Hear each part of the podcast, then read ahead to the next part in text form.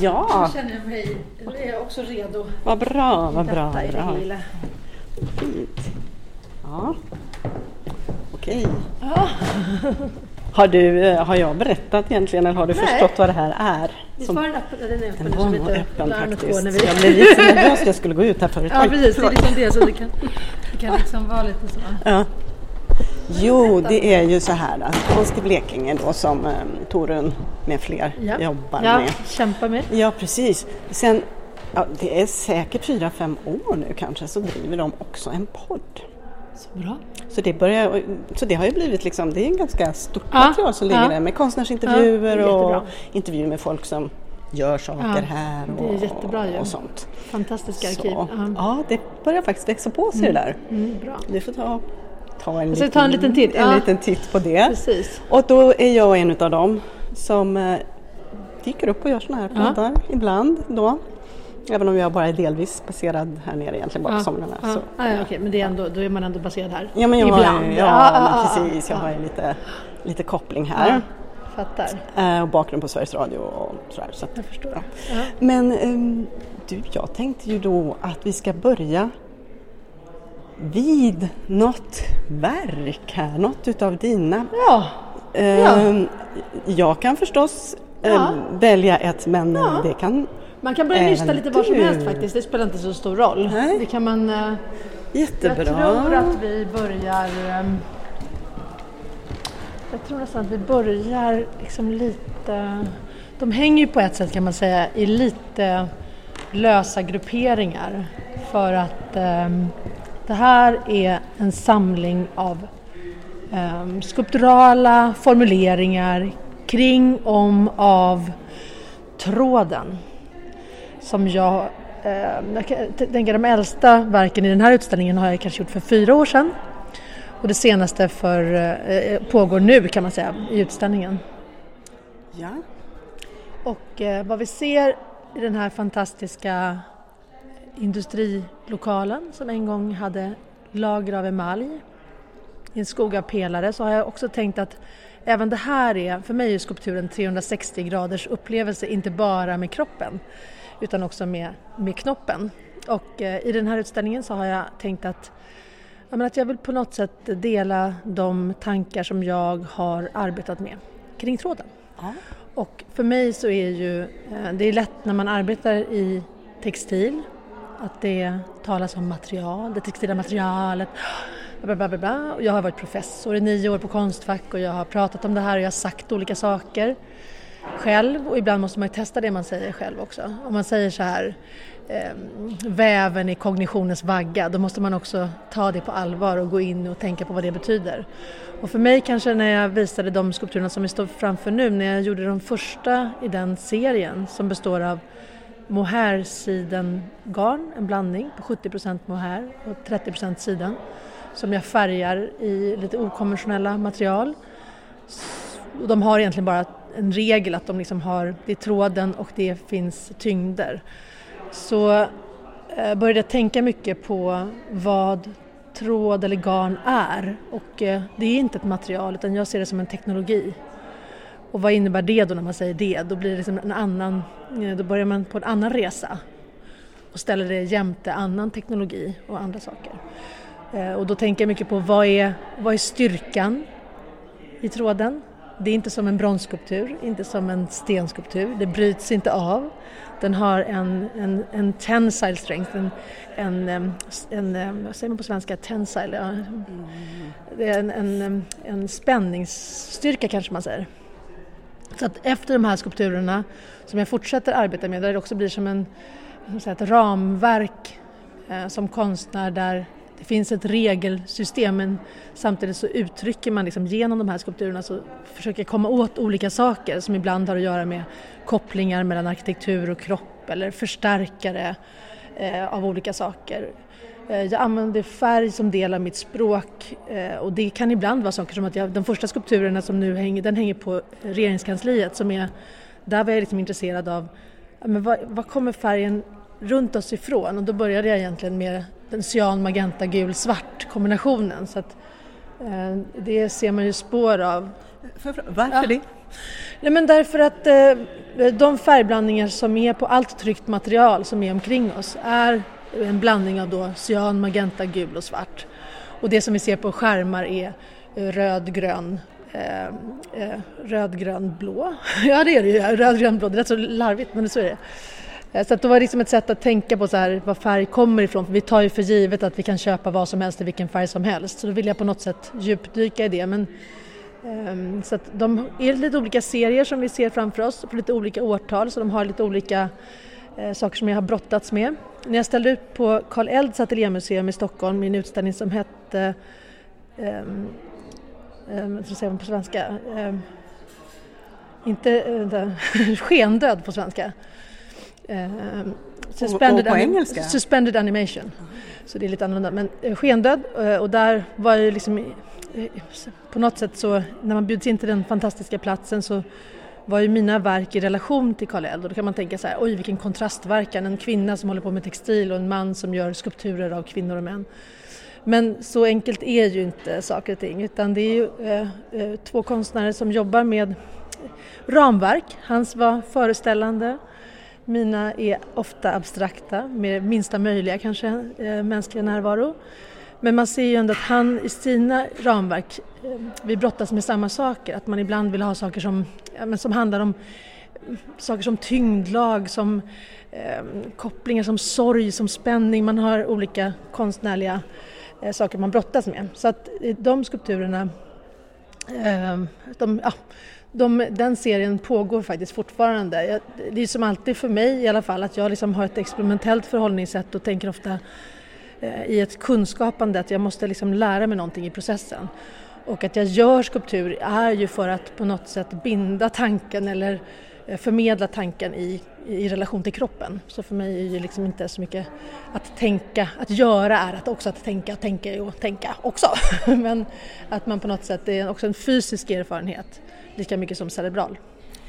Nu står vi här eh, i då konsthallen i, i Ronneby som du nämnde, många vita pelare och vad vi har, det, det finns ju, det, det, är ju dina verk i hela den stora salen här ja. och precis nu står vi vända mot, eh, kan, hur många kan det vara? En, två, tre, fyra, fem, sju verk som i mina ögon ser mm. besläktade ut. Kan mm. man uttrycka mm. det så? Ja, det är en serie, alltså, de har ju samma logik, eller hur man nu ska säga, konstnärlig logik. Där trådar knyts kring metallringar uppifrån och ner, så att det är, egentligen jobbar jag ju som en skrivare kan man tänka. Ehm, de kommer i platta paket, familjepizza ibland, pizza ibland.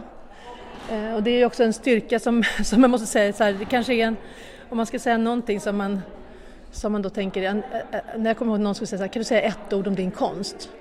Och då, för mig är det resurssnål, att jag vill liksom använda minsta möjliga material för att få mesta möjliga effekt.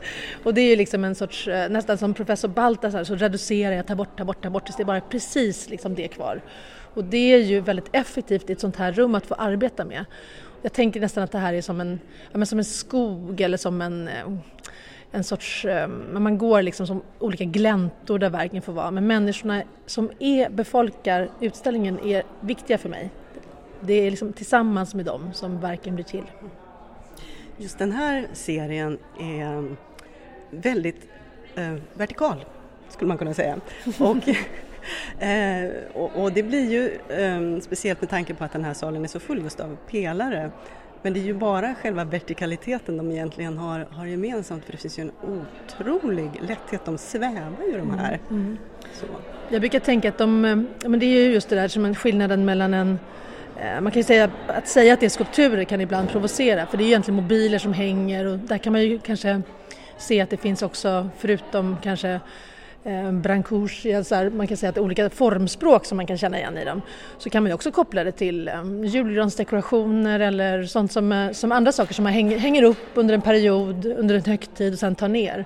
Och det tycker jag ju är bra. Men jag brukar också tänka att de, håller, de bär liksom ingenting utom luften mellan trådarna. Och det är ju så som också på ett sätt textil är. Och på, på många sätt, när jag, man kan säga att när jag jobbade med dem så var det en sorts vilja att Ja, men jag har ju en vilja att försöka bryta min egen och kanske andras också vanemässiga blick av textilen. För textil är ju nästan som andas. Vi klär oss i den, vi håller på med den, vi har liksom ingen det är som att man, jag, jag sa till ett barn här, för jag har ju ett verk som utställningen som eh, heter String Revolution the Prequel som växer under tiden tillsammans med eh, medborgarna, eh, besökarna på Ronneby konsthall.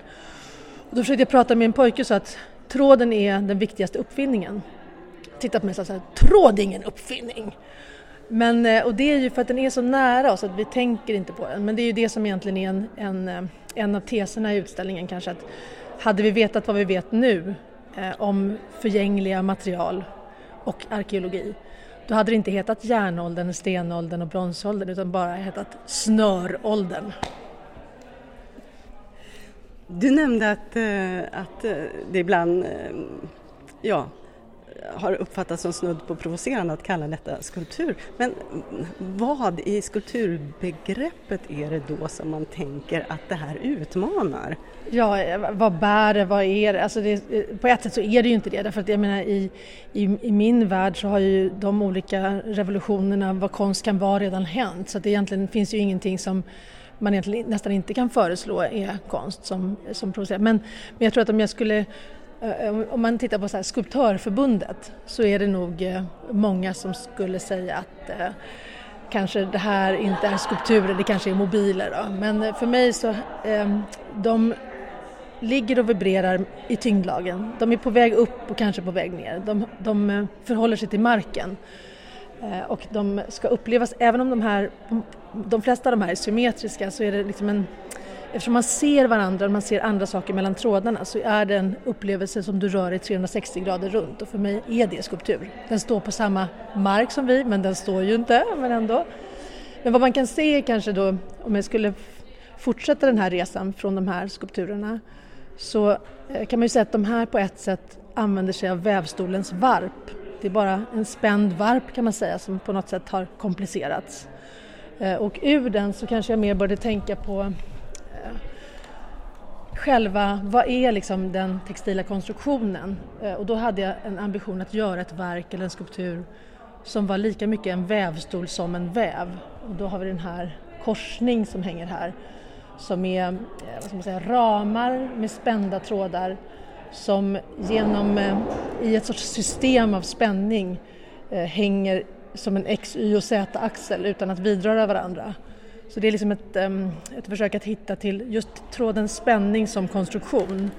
Så, nu ska vi se här, ja. de, de, som lyssnar på det här ser ja, ju nej, precis, försöka det här, det här är. Den här är väldigt, eh, om, man, om man tänker på den första serien så bygger ju den på runda stag eller vad man ska säga, det är rund, någon slags runda ringar som tråden eh, förhåller sig till eller bärs av. Och här är det helt eh, raka hörn. Ja, det, det, det, det, det är hårda, hårda. Så, så, kan man säga, men ja. egentligen så skillnaden mellan dem är ju att uh, den ena så hänger metallen i, i, i trådarna och på så sätt så byggs skulpturen uppifrån och ner. Och i den här, den har ingen tyngdlag egentligen utan det är ett totalt spänningssystem, ungefär som när man bygger ett valv, när den sista stenen är lagd så, så är konstruktionen total. Och precis så är det ju också med hur människan har kunnat ta en linje och komplicera den till en yta. En sorts tredimensionell yta egentligen, men det är ju våran, det är en sorts magi som vi kan. En gång så träffade jag prinsessan Estelle på Market och eh, då skulle man prata med henne och Daniel och då försökte jag förklara för henne att om jag skulle dra nu en tråd från din kofta så skulle den gå från att vara en yta på din kropp till att bli en linje i rummet. Så det var, det var, men det, är liksom, det, det, må vara, det må hända, kan tänkas banalt men det är liksom en den typen av kunskap eller den typen av teknik har mycket annan sak byggts på. Så att när jag då närmar mig att tänka tråden som teknologi och tidig teknologi då blir det också så att den ställs mot annan teknologi, inte som ett så material jämte andra material utan som en teknologisk eh, hel filosofi kan man säga. Och då är det också så att titta på att textil är ju aldrig ett material utan den här att kunna tvinna fibrer till långa trådar som sedan tvinnas ihop tillsammans för att, för att få långa starka trådar. Det är liksom en kunskap som man kan röra sig till vilken plats som helst. Man kan ta in nya fibrer, man kan få in nya delar av små pälsar eller vad det nu var.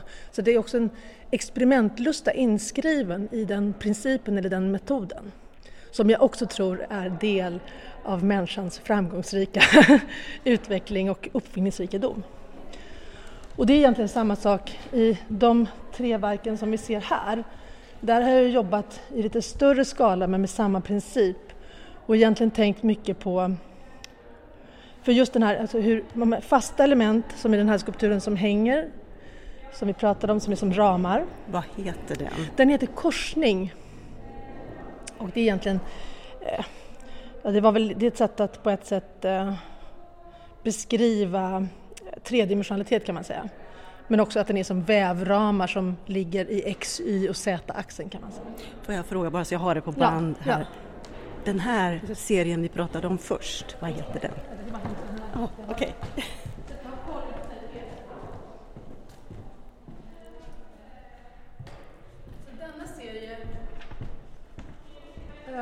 Har egentligen inget namn men på ett sätt så har den ett namn därför att eh, den första gången som jag visade dem tillsammans på Market i Stockholm så kallade jag det för Vertical Network Performance.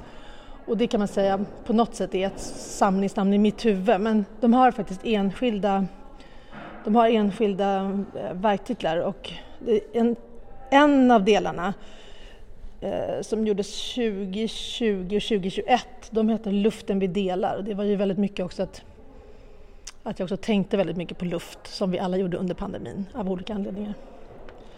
Eh, och de senaste i den här serien är faktiskt en dialog med, eh, med Munk därför att jag gjorde ett eh, beställningsverk jag arbetar inte bara i, i de här trådmaterialen utan jag jobbar också mycket med augmented reality och digitala saker. Jag har gjort ungefär lika länge som den här serien ehm, med moherrarna. Och då så jobbade jag väldigt mycket med Munks målningar så då var jag tvungen att liksom bearbeta hans, eh, både hans färger men också hur han bygger in ljus eller blockerar ljus i sina, i sina målningar. Så det är en serie här som heter Shoreline, Lighthouse och Sunpillar som är i dialog med, med Munchs målningar. Och sen har jag andra som, en, den, vi har en stor i den serien som inte har, många av dem har ju att de, de går eh, in och ut i varandra, eh, formerna, men vi har en stor som egentligen bara har en yta eller som är som en siluett. Där jag liksom på något sätt eh, ville nästan göra som ett hologram av någonting som är väldigt solitt. Att försöka arbeta med någonting som verkligen inte är en en solid form men att skapa en, en, en, ett försök till soliditet eller vad man ska säga. Ehm, men i, i, de, i de här verken då som egentligen... Jag ska bara vända ja, på mikrofonen. Men eh, jag, har ju, jag är både utbildare och väldigt intresserad av historia och tittar ju såklart på när olika eh, saker har hänt mellan arkitektur, konst, dans, olika saker som jag intresserar mig för. Och vad man kan se är när många eh, konstnärer som har varit på Bauhaus på grund av andra världskriget lämnade och flyttade till USA och startade Black Mountain College så var det eh, av olika skäl säkert eh, en plats där olika typer av kompetens och kunskap möttes och då hände det nya saker.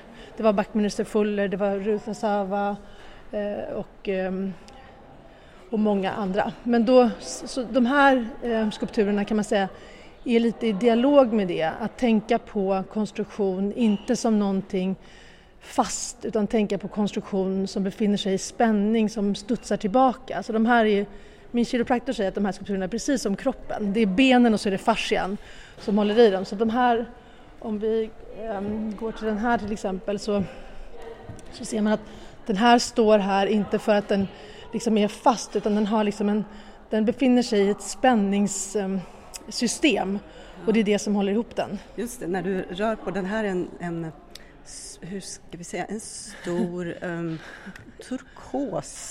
Mm. Um, Lite kopparärgad, kopparfärgad kanske man kan beskriva det som. Just det, eh, då raka vad ska jag säga, stavar. Stavar, makramé som slutar mm. med en en knop som vi känner igen mycket från marina situationer som heter på svenska apnäve. Och den hade man med tyngder för att kunna Eh, veva, eh, slänga iväg tampar från båten till kajkanten. Men det gjorde också att den här tyngden i den här gjorde såklart att det var mycket skador, folk fick den i huvudet. Och därför när man mönstrade av så kapade man av den här som en nyckelring. Och det känner vi igen, den här knuten som också beskriver en X, Y och Z-axel som bärs som nyckelring. Men som man också kan se på manschettknappar på lite businessmän. Som jag ofta tänker så här, men du tror att du är fri, tänker jag alltid när jag ser dem där. Men det är liksom något som intresserar mig, den här typen av, och det, jag tror att sjö, liksom, sjöfart kommer igen lite i, eh, i mycket repsaker och det är inte utan anledning utan det är ju därför att man var på en båt, man hade bara rep och så löste man olika problem bara med repet och det gör att det är liksom intressant att titta på. Jag är en landkrabba men jag, jag intresserar mig eh, från kajen för livet på havet. De här är ju då ihopspända med trådar mm. av något annat material. Ja, det här är, det här är ett, ett, ett satängsnöre som används egentligen när man gör många olika saker genom tiderna men numera så kanske det är mest när man gör armband, kanske som, som barn väver armband eller sånt där. Och den här är ju kanske, vad kan den vara då? Tre meter hög? Någonting ja, den är nog 3,20 ja, ungefär 3,20 ja. eller något sånt. Och den här kan du alltså liksom ruska i och den mm. ändå liksom Ja, den dallrar lite ja. och sen ja. finner den sin, ja. sin stadga igen. Eller hur, den liksom, den är, det är väl mycket som jag är intresserad av också att titta på så här, arkitektur i jordbävningsområden och hur man tänker kring, ja men om någonting skakas om, hur kan man liksom få det att, att ändå ha en stadga? Och det kan man tänka, ibland tänka så här, att ja, men det kanske är en sorts feministisk princip då, att eh, tänka inte på liksom något som står stabilt utan något som kan liksom stå pall för lite vindar som ändå studsar tillbaks. Så att, eh, Ja, det är en dans helt enkelt. Eh, och bakom oss, det finns ju många saker som är byggda på den här. Som man, kan, man kan prata om tensegrity som en, en konstruktionsprincip. Att det är, och det var ju också sånt som Backminister Fuller var inne på, många andra. Vad skulle det vara? Till exempel ett cykelhjul. Eh, där spänningen är det som håller hjulet på plats. Det är liksom inte hårda pinnar utan det är pinnar i spänning som gör att hjulet håller på plats. Så i den här skulpturen, den här skulpturen som vi skakade om, den heter Venus. Och det är på grund av en lång historia om en app som bara satte igång och visade stjärnbilder på Karl Elds museum. Och så sa Karl Eld att den här heter Venus och så var det med det.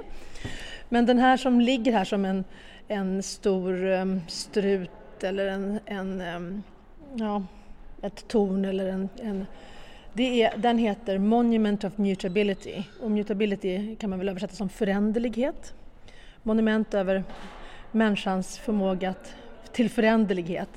Och den är egentligen en dialog delvis med eh, Riddarholmskyrkans torn som ju är väldigt speciellt om man har varit i Stockholm. Det är som en, nästan en spets av gjutjärn. Just det, det genomskinligt ja. som en just textilspets. Ja, exakt som en spets av textil och mm. det tornet är på, Själva kyrkan är väl den äldsta byggnaden i Stockholm tror jag, en gråmunkskyrka eh, eh, från början.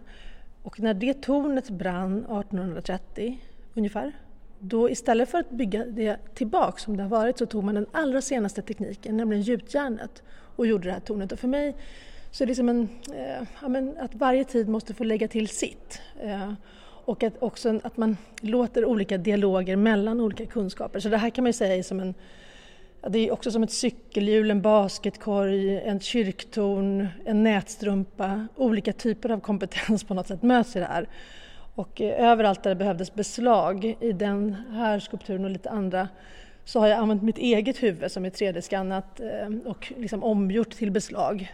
För att, för att det är det enda som jag vet är just nu då, kanske. Det, det här är nu och att på något sätt konstnärens arbete är att kanske sammanställa eller låta de här krockarna mötas.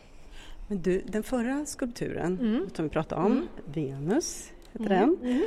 den hade ap, vad heter det, apnävar mm. som, som ett slags liksom slut på, mm. sina, eh, på de här stavarna.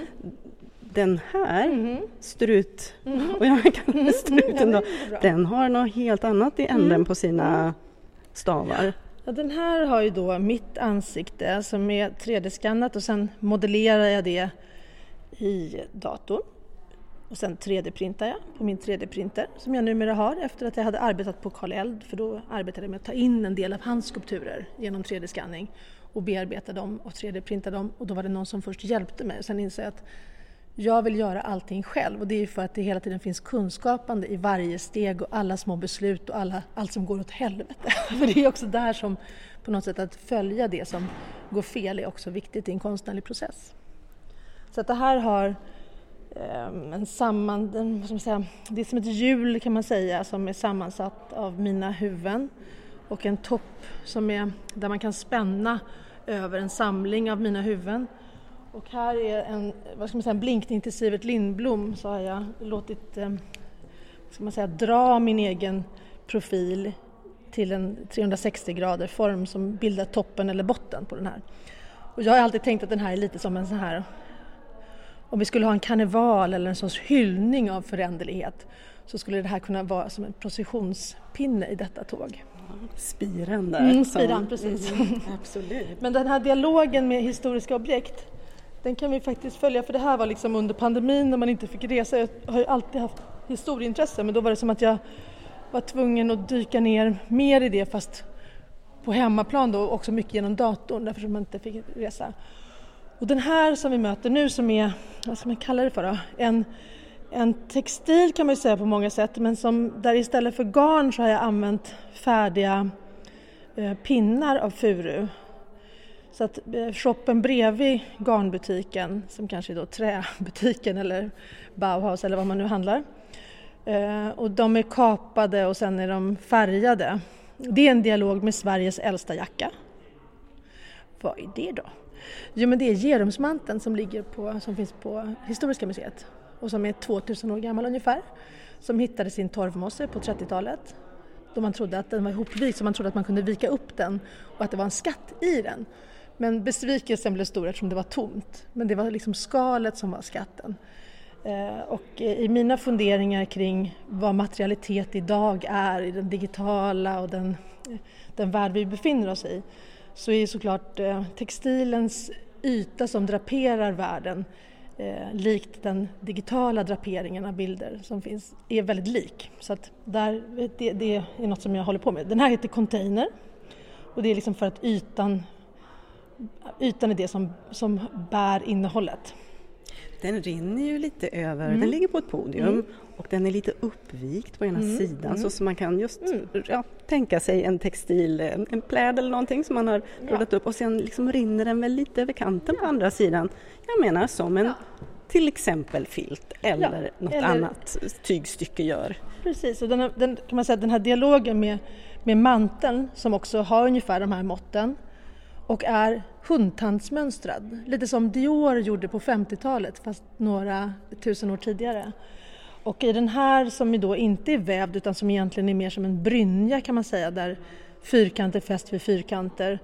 Och det var ju ett sätt för mig också igen att försöka på något sätt ehm, komma åt eller komma, komma över eller komma ur den vanemässiga blicken på textilen.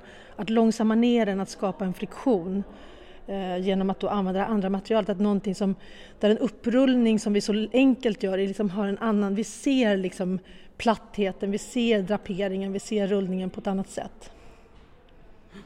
Och så är det gjort av trä? Och så är det gjort av trä, precis, av träpinnar. De är, som är då eh, färgade, eh, doppade och färgade så det är en sorts det är väldigt likt egentligen hur jag färgar textil fast eh, med, med betsfärger. Och eh, de, även den här skulpturen som hänger bakom den som är ett eh, nästan ser ut kanske som, hur ska jag beskriva den? Det ser lite ut som en eh, garnvinda eller som en, eh, en hängande mobil där det ur en, ett grid av eh, en fyrkantigt grid så hänger det ringar som sen zigzagformade pinnar hänger i. I en sorts guld färg kan man väl säga. Den är en dialog med eh, det som man tror kan vara en av de första artefak mänskliga artefakterna. Och det är en sten som man hittade i Blombosgrottan ungefär för 15 år sedan. Var är, är, det? Blombos? Det är i Sydafrika. Ja. Och då är det en, en eh, kanske 12 centimeter lång sten, ockrafärgad, som har ett ristat zigzagmönster på sig. Eh, och i mina liksom, hur jag tänker att konstnärer kan ingå i konstnärlig forskning eller vad är, vad är konstnärliga metoder då som kan göra på det sättet? Så kände jag att jag ville ta mig an den här stenen och, och eh, på något sätt utgå från min foliehatt eller min subjektiva syn på världen. Så att jag tolkar den här stenen som ju såklart har tolkats av många som ett, kanske ett rivjärn för pigment, kanske var det den första ateljén som var här eller var det kanske var det en, ett klotter eller så var det en, eh, en beskrivning av någonting annat. Så. Men då tolkar jag den som i alla fall som en, en instruktion för väv och det här är egentligen en enkel modell för tuskaftsväv. där en, en, en varp och ett inslag möter varandra. Så att det här går liksom en tråd går över en annan som går under en annan. Så det här är liksom ett sätt att, ja, en enkel modell för tuskaftsväv. Och det som jag då har lagt till i den här hängande mobilen, de här ringarna som man kan nästan se som här romerska ringar i, i gymnastiksalen, det är armbandstora 3D-printade, ja som armband, där jag också använt mitt eget huvud som eh, en sorts dekoration eller eh, som en sorts tanke. Och jag ville liksom ha någonting som eh, kopplade till handen och till aktivitet. Eh, så för mig var armbandet, eller den här romerska ringdelen, var liksom att den också den gungar ju liksom och kan röra sig eh, när de hänger så här individuellt i ringarna. Jag ville liksom att det skulle vara aktiviteten, att man, att man hela tiden gör. Och eh, många av de här säga, dialogerna med historien är ju ett sätt att um, kanske koppla... Jag menar, de hade samma hjärnor för 73 000 år sedan. Den här stenen är för 73 000 år sedan. De hade samma hjärnor som vi hade. Så att våra tankar kring modernitet, eh, kanske vi kan försöka hitta, liksom, ja, men det är nästan som att sluta kolonialisera historien. Att faktiskt empatiskt eh, se oss själva som den här lilla droppen och att det är fint att vi kan lära oss av varandra och liksom bygga på kunskap som redan finns. Att det är fantastiskt. Så det här, jag skickade den faktiskt till um, Hen, Hens, Henslow, eller Henslow, den arkeologen som hade gjort den här utgrävningen. För jag tänkte att ja, men det är väl intressant att se då, om eh, konst kan ingå i den här typen av tvärvetenskapliga diskussioner. Så skrev jag att jag har intresserat mig för den här stenen och det här är liksom min, eh, min, min, min, min, min metod att tolka eller att, att, eh, tänka med den här.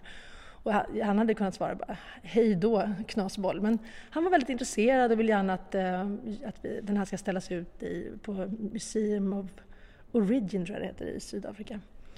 Men det var liksom en spännande dialog om att just att, eh, för vi har ju alltid, historien eller förhistorien har ju alltid tolkats. Det är ju hela tiden en pågående process. Och just nu är det väldigt intressant i den processen därför att det som man säger är the, the missing majority, Alltså allt material som har, är förgängligt, som har försvunnit, som ju just är textila material, som är trä, det som har liksom försvunnit, att det har blivit mer, man har fått nya verktyg, DNA och andra typer av skanningar som gör att man kan mer dyka in i det. Och då kan man ju också se att bilden av människans ursprung blir mer komplex. Det kanske inte var så att det var några arga män som sprang runt med stenyxor och så några passiva ammande kvinnor som låg i grottan, utan det är på ett annat sätt. Och det är ju viktigt, även om man tänker så vad spelar det för roll? Historieskrivning är ju viktigt därför att det blir tråper i vårt samhälle. Idéer om vad det är som gör oss starka. Idéer om varför människan eh, har, är bra helt enkelt. Och det är ju mer samarbete, det har vi ju förstått mycket. Det är inte så här ensam vinner och förtrycker några utan det är ju när vi samarbetar som det blir riktigt bra. Och det har jag också i de här verken, den här serien, eh, som är här borta, som är mm, lite tre, mindre. Ja. Står på tre podier, ja, tre podier och är lite mindre. En grej på varje podium, ja, varje om man får precis. uttrycka det så. Och det här är en serie som, eh, det här är tre skulpturer ur en serie som jag också arbetade med under pandemin som heter Souvenirs from Flat Earth. Och här har jag, eh, nu för tiden så är det så att museet tar inte bara bilder av sina verk utan de 3D-skannar också föremål i sina arkiv. Så här har jag då tittat på eh, arkeologiska saker som finns kvar som bevisar att textil har funnits. Och det är då bennålar, det är skärvor i keramik med avtryck av rep eller av väv och det är sländstenar. Så att de har jag då i den sorts... Det som... Vad ska jag säga? Jag, jag ville på något sätt aktivera dem eller på något sätt um, göra som en sorts empatisk aktiv dialogutgrävning av de här. Så här till exempel i en lite rosafärgad ehm, um, 3D-print så har jag tagit skärvor från olika museer runt om i, i, i världen. De är ju då ganska små skärvor som är 3D-skannade. Och sen har jag digitalt eh, gjort ett, som man kan tänka, ett lapptäcke, ett tredimensionellt lapptäcke av de skärvorna som jag sen har skrivit ut på min 3D-printer i en PLA som heter vad är det nu, tror jag. Som är en sorts majsstärkelse som blandas med olika återvunna material, i det här fallet fruktförpackningar, vilket ju är lämpligt på något sätt. Men det är också väldigt roligt att när man tittar på just de vad ska man säga, idéer om modernitet och suveränitet över, över primitiva tidigare människor. Så när man tittar på hur 3D-printen arbetar, då ringlar den materialet, precis som de här kärlen är ringlade i lera. Så det är liksom ett, ett ja, men en, ah, det är någon sorts eh, någon annan kontakt och någonting, jag tänker så här, okej, okay, det här finns, hur kan man liksom ta det vidare? Och här i en blå skulptur som också likt den här eh, Venusskulpturen och så är, är, där är de uppspända i en konstruktion av, av tunn tråd. Eh, och det är också ett sätt att skapa den där spänningen. Så har jag också både tagit in bennålar men också tagit in objekt som man har hittat på samma platser men som inte är specifikt, eh, man vet vad det är. Och det, kan ju vara, det, det, kan ju ha varit ett handtag men det kan ju också ha varit en gudinna, man vet liksom inte. Och de tycker jag är liksom spännande, där hur man tolkar vad som, är, vad som är andligt och vad som är mundänt i arkeologiska eh, eh, forskning. Så att, och även i den här då, den är också i samma PLA-material, det blåa som är också från fruktförpackningar. Man ser lite ansikten. Ja, precis. Det finns lite så här, här ser man, någon, ser man lite någon sorts um, fågelkvinna kanske. Någon, mm. Det här trodde någon att det var det här skeppet, som, det här danska kungaskeppet som, har, som ligger utanför uh, Ronneby. Ja, just det. Uh, som heter, inte Skeppshunden utan... liknande va? Ja, Eller är det Skeppshunden? Kanske är Skeppshunden. Det är något med hunden. Något med hunden, ja. Skeppshunden kallar vi den. Så det är liksom, men det, det är just sådana där detaljer som, och sen har jag liksom vänt och vridit i, i det digitala som för mig, jag har ju alltid skulpterat digitalt och inte kanske visat så mycket men alltid när man gör en utställning eller när man gör en skiss att jag ibland så är det väldigt resurssnålt just, egentligen kanske inte för man använder el men i alla fall materialsnålt kan man säga som konstnär att arbeta digitalt. Och I den här sista så är det också skärvor och då sländstenen. Och sländstenar och tyngder till vävstolar är också sånt som man hittar som då mm, ja, ofta har varit i sten eller keramik. Eh, och den här är då också PLA men i en blandning med kaffesump och med Eh, sånt som kommer bli över från vetemjölsproduktion. Så det är också kanske en, en sorts eh, minimal blinkning till idén om hur vi har utvecklats från, eh, från samlare, jägare, jordbrukssamhälle till kapitalism. Och egentligen så är det en mycket mer komplex resa. Och där finns det ju nu en väldigt spännande bok som jag faktiskt vill rekommendera som ett boktips. Och det är Början på allt av David Graeber och David Wendrow. Som ställer mycket av våra liksom, men envisa föreställningar om hur vi har utvecklats. Att på något sätt att vi fick ge upp eh, någonting för att få civilisation men egentligen har det varit en komplex testande, ibland stadslika former, sen lite jordbruk, sen har vi återgått, sen har vi gjort andra saker och det är ju väldigt nyttigt i de tid vi lever nu när vi måste försöka tänka oss andra sätt att organisera samhället. Och vad kan det vara? Det är lätt att, eh, i alla fall tycker jag, att bli fast i att det är som det är men det går ju att förändra. Den här eh är ju då, du beskrev att det är, är det material och, eh, jag ska, vad ska, är det metall och sten som så att säga, och som ben, har överlevt. som är liksom ur, alltså, föremålen ja, ja, du har använt det, är av ganska tunga material. Ja. Och det här um, i, i din skulptur här så är det ju så paradoxalt lätt. Mm. Eller? Det, ja. men, det, men det kanske är det där att jag på något sätt hela tiden, även om alla de här objekten i utställningen är ju stilla, så vill jag liksom hela tiden Ja, det finns, jag, har ju, jag kommer ju från dans från början. Nu är det så länge sedan så jag nästan inte kan säga att jag kommer från dans, men det har ändå varit min första eh, konstnärliga praktik, eh, var dans. Och eh, på något sätt så är för mig väldigt mycket saker eh, kopplade till kroppen. Att jag liksom känner, jag vill känna i kroppen och då är det liksom mycket saker att jag vill att de ska ha en aktivitet. De ska liksom känna som att de är, de är på gång. Just nu stod den still, men den kan röra sig. Det kan hända någonting. Lite så. Eh, så att, eh, ja, jag... Eh, och sen är det ju, jag menar, för alla som jobbar med skulptur så Eh, det är ju väldigt mycket ehm, saker som faktiskt har att göra med ehm, ganska klassiska konstnärliga utmaningar som också pågår i ateljén. De hundratals beslut som ingår i varje verk, även i enkla verk så är det ju hundra, nästan tusentals beslut som man ska ta. Och där är en del saker som är härliga, är ju saker att hitta balans mellan tyngd och att det, att det rör sig uppåt. Och att tänka på hur Gaudí jobbade med sin katedral i Barcelona när han gjorde modeller av sämskskinn som man hängde upp och ner för att få den här strävan uppåt. Och sådana saker är ju spännande att tänka på. Och jag märker ju själv att jag ofta arbeta med saker som hänger. Och jag har försökt tänka själv varför det är. Och det, kanske sa jag det lite i början, lite snabbt. Men det finns någonting i mobilen som tar tag i materiella historier som har varit just kanske dekorationer eller kanske någonting som har ansetts inte så viktigt. Och de sakerna tycker jag är viktiga och jag tror att det finns kunskap i, under varje sten som man vänder på. Vi kan kanske sluta, vi har, vi har ett litet verk som egentligen jag tänker är Ja, vi kan sluta ja, med det här. Sluta med det, för det här är ett verk som, som eh, ofta tänker jag på att vissa saker i arbetet är det som man ser rakt på och vissa saker befinner sig i ögats periferi där de tapparna som är ljuskänsliga men inte färgkänsliga finns. Och det här är ett, ett verk som också är en mobil, har lite allmogeform i trä. Jag har svarvat pinnar ihopsatta. De är målade med allmogefärger med en dekorationsvax. Och sen är det 3D-printade objekt av um, lockar eller korkskruvar och en liten 3D-printad textil som hänger i den.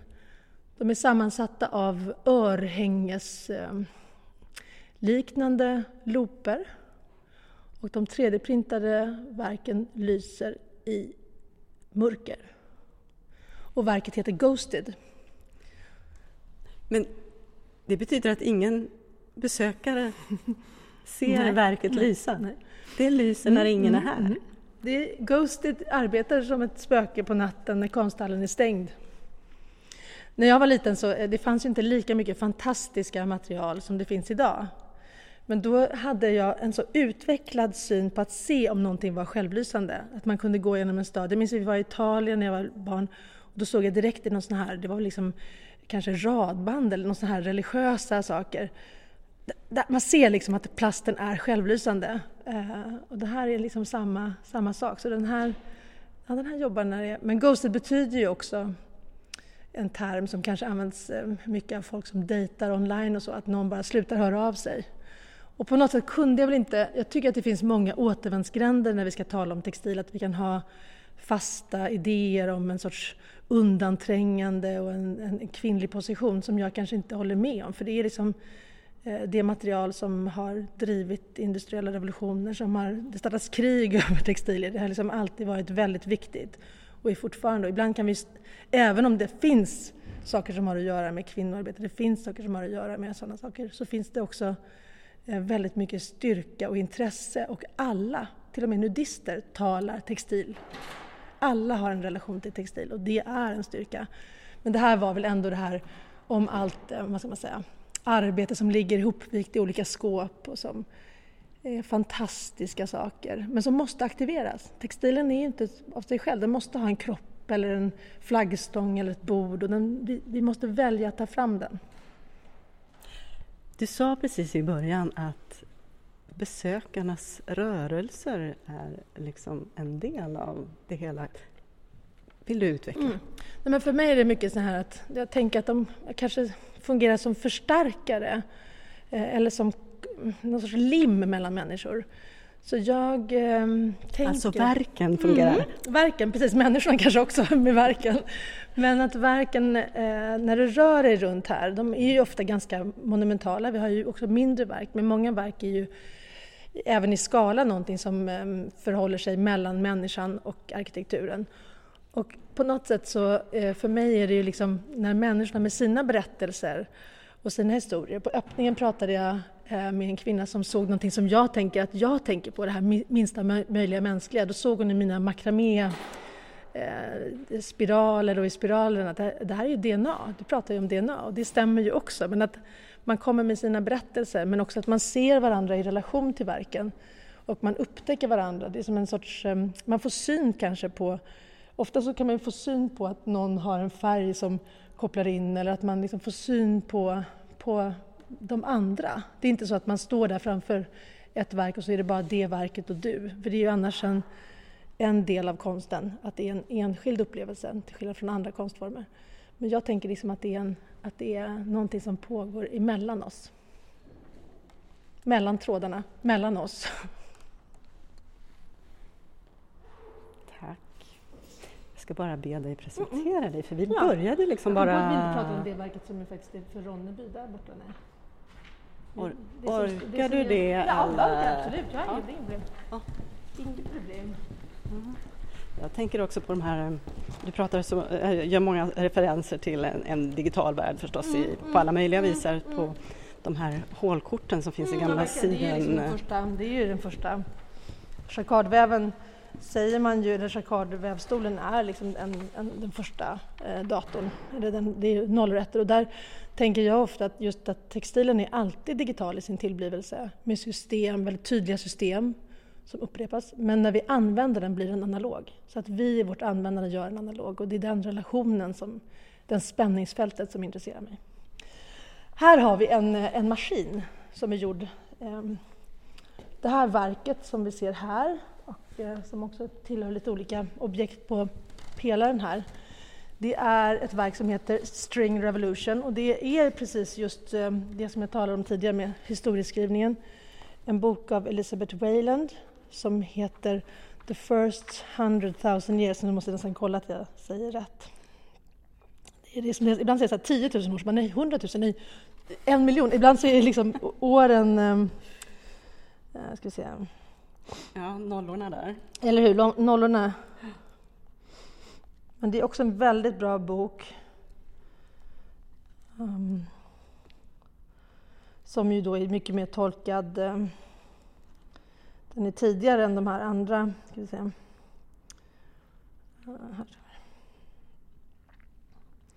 Just,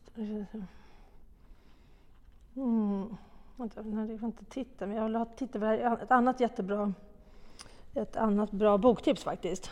Den heter Women's Work the First 20 000 Years av Elizabeth Wayland Barber.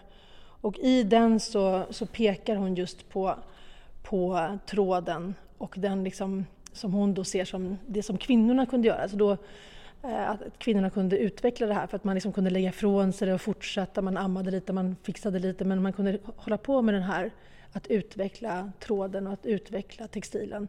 Och att den, vad ska jag säga, just den experimentlustan som finns i det arbetet som är liksom en stor del av eh, hur vi sedan har utvecklat kanske datorer och annan teknologi. Och det är liksom en tes som jag känner i kroppen. Att om vi slutar tänka på textil som någonting som bara är liksom man säga, oh, vad det är så vackert, fint, det är som något annat. Men börjar tänka på det som en faktisk viktig kunskapande. Då tror jag att när man ställer den jämte annan teknologi så kan vi också få hjälp i framtiden att tänka på hur vi ska utveckla saker. Så det här är då ett verk som jag gjorde jag ville göra någonting som kunde växa under tiden och där också den, att inte bara tala om att det är så himla mycket experimentlusten utan faktiskt sätta det i snurr eh, i konsthallen. Så då har jag gjort en liten maskin som man kan tänka ungefär gör en flaskborste. Eh, man lägger fibrer, man spänner en tråd och man snurrar runt den och då får man liksom den här Ja, men det, jag, jag tänker att det är som en, det är en flaskborste eller mascaraborste eller något som man rensar stuprör med. Och I den så har jag tagit med mig en del fibrer som är klassiska eh, borstfibrer. Det är också alltid intressant att tänka på rengöring när man tänker på textil, tänka på hur vi har städat, hur vi har gjort. Eh, och där är det kokosfiber och basinafibrer och så. Men sen så har, eh, kommer olika delar in av Ronnebys invånare, eller besökare i konsthallen. Här har vi till exempel, jag gick runt lite, jag har ju varit här en vecka, jag gick runt lite på kvällarna när konsthallen var stängd och försökte tänka ja, men vad är det som finns i Ronneby då, som är Ronneby-material? Så var jag inne på en second hand-affär och så pillade jag lite på sådana här plastband som fanns när jag var liten, eller när vi var små kanske båda två. Eh, där man fick, göra, man fick göra små armband av och det var liksom som att det var materialet. Det var liksom det enda som säga, textila material som fanns. Och så stod jag och tittade lite på den och tänkte så här, nej men plast är väl inget kul. Och så när jag skulle gå ut så sa kvinnan till mig så här, men du, ska du inte köpa de där? Ja, men de är ju från Ronneby. Jaha, sa jag, okej. Och då visade det sig att det var Tarkett som gjorde de där banden som fanns i hela Sverige, som också på ett sätt eh, jag kommer ihåg uppe i Norrbotten där min familj eh, på mammas sida kommer ifrån, där kvinnorna istället för att göra trasmattor och trasor gjorde de här plastmattorna. Att det var liksom någonting som man kan tycka var kanske lite synd, men det var någonting som hände där. Och, och eh, så det, det, bandet fick ändå komma med och är också inkorporerat i den här. Så när man har gjort då den här eh, vad ska man säga, 60 cm flaskborsten som kanske är ungefär eh, 25 cm i diameter, då fäster vi den i den föregående borsten. Så att det blir som ett sorts experimenterande. Jag har arbetat med konstklubben och jag jobbade ihop lite på, under veckan. Och då var det väldigt kul. Då började vi liksom med en och sen så utvärderade vi den och så la man till och så gjorde man om och reviderade. Så det är liksom en, en enkel apparat för, att, eh, för experimenterande mm. i textil. Så att den här grejen, den här lilla mm, maskinen, mm, mm, den har som en liten vev kan man säga i en ände. Ja. Den ska alltså komma till bruk här under ja. utställningens gång, är tanken. Och verket som är ligger och ringlar här nu kommer att ringla sig allt större i ja, takt med att det exakt. Och görs den här mer heter, borstar. Precis. Och det här verket heter då, som utställningen heter String Revolution, men det här heter String Revolution The Prequel. Så det här är liksom eh, att vi på något sätt eh, lever oss in i att vi, att vi upptäcker tråden. men den har också den har liksom en pandang egentligen till de här 3D-printade verken som på något sätt eh, kanske också pekar på vad som blir möjligt och det är en stor bennål som också är printad i PLA där det är delar som är neonfärgade och den, den är gjord till en meter lång och i verkligheten så är den kanske ungefär tre centimeter lång. En som en sån här nål som, liksom nål som man, man kan se på museer som ja, är gjord av ben. Ja, och som man då har hittat som man då förstår att men vi har kunnat sy. Och den har, eh, delvis är den gjord av en PLA som är blandad med eh, musselskal och delvis neonfärgat. Så har vi också en fiskekrok som också var karvad i ben, som också är en, en arkeologiskt objekt, som då har en grön neonfärg och en ostron-PLA.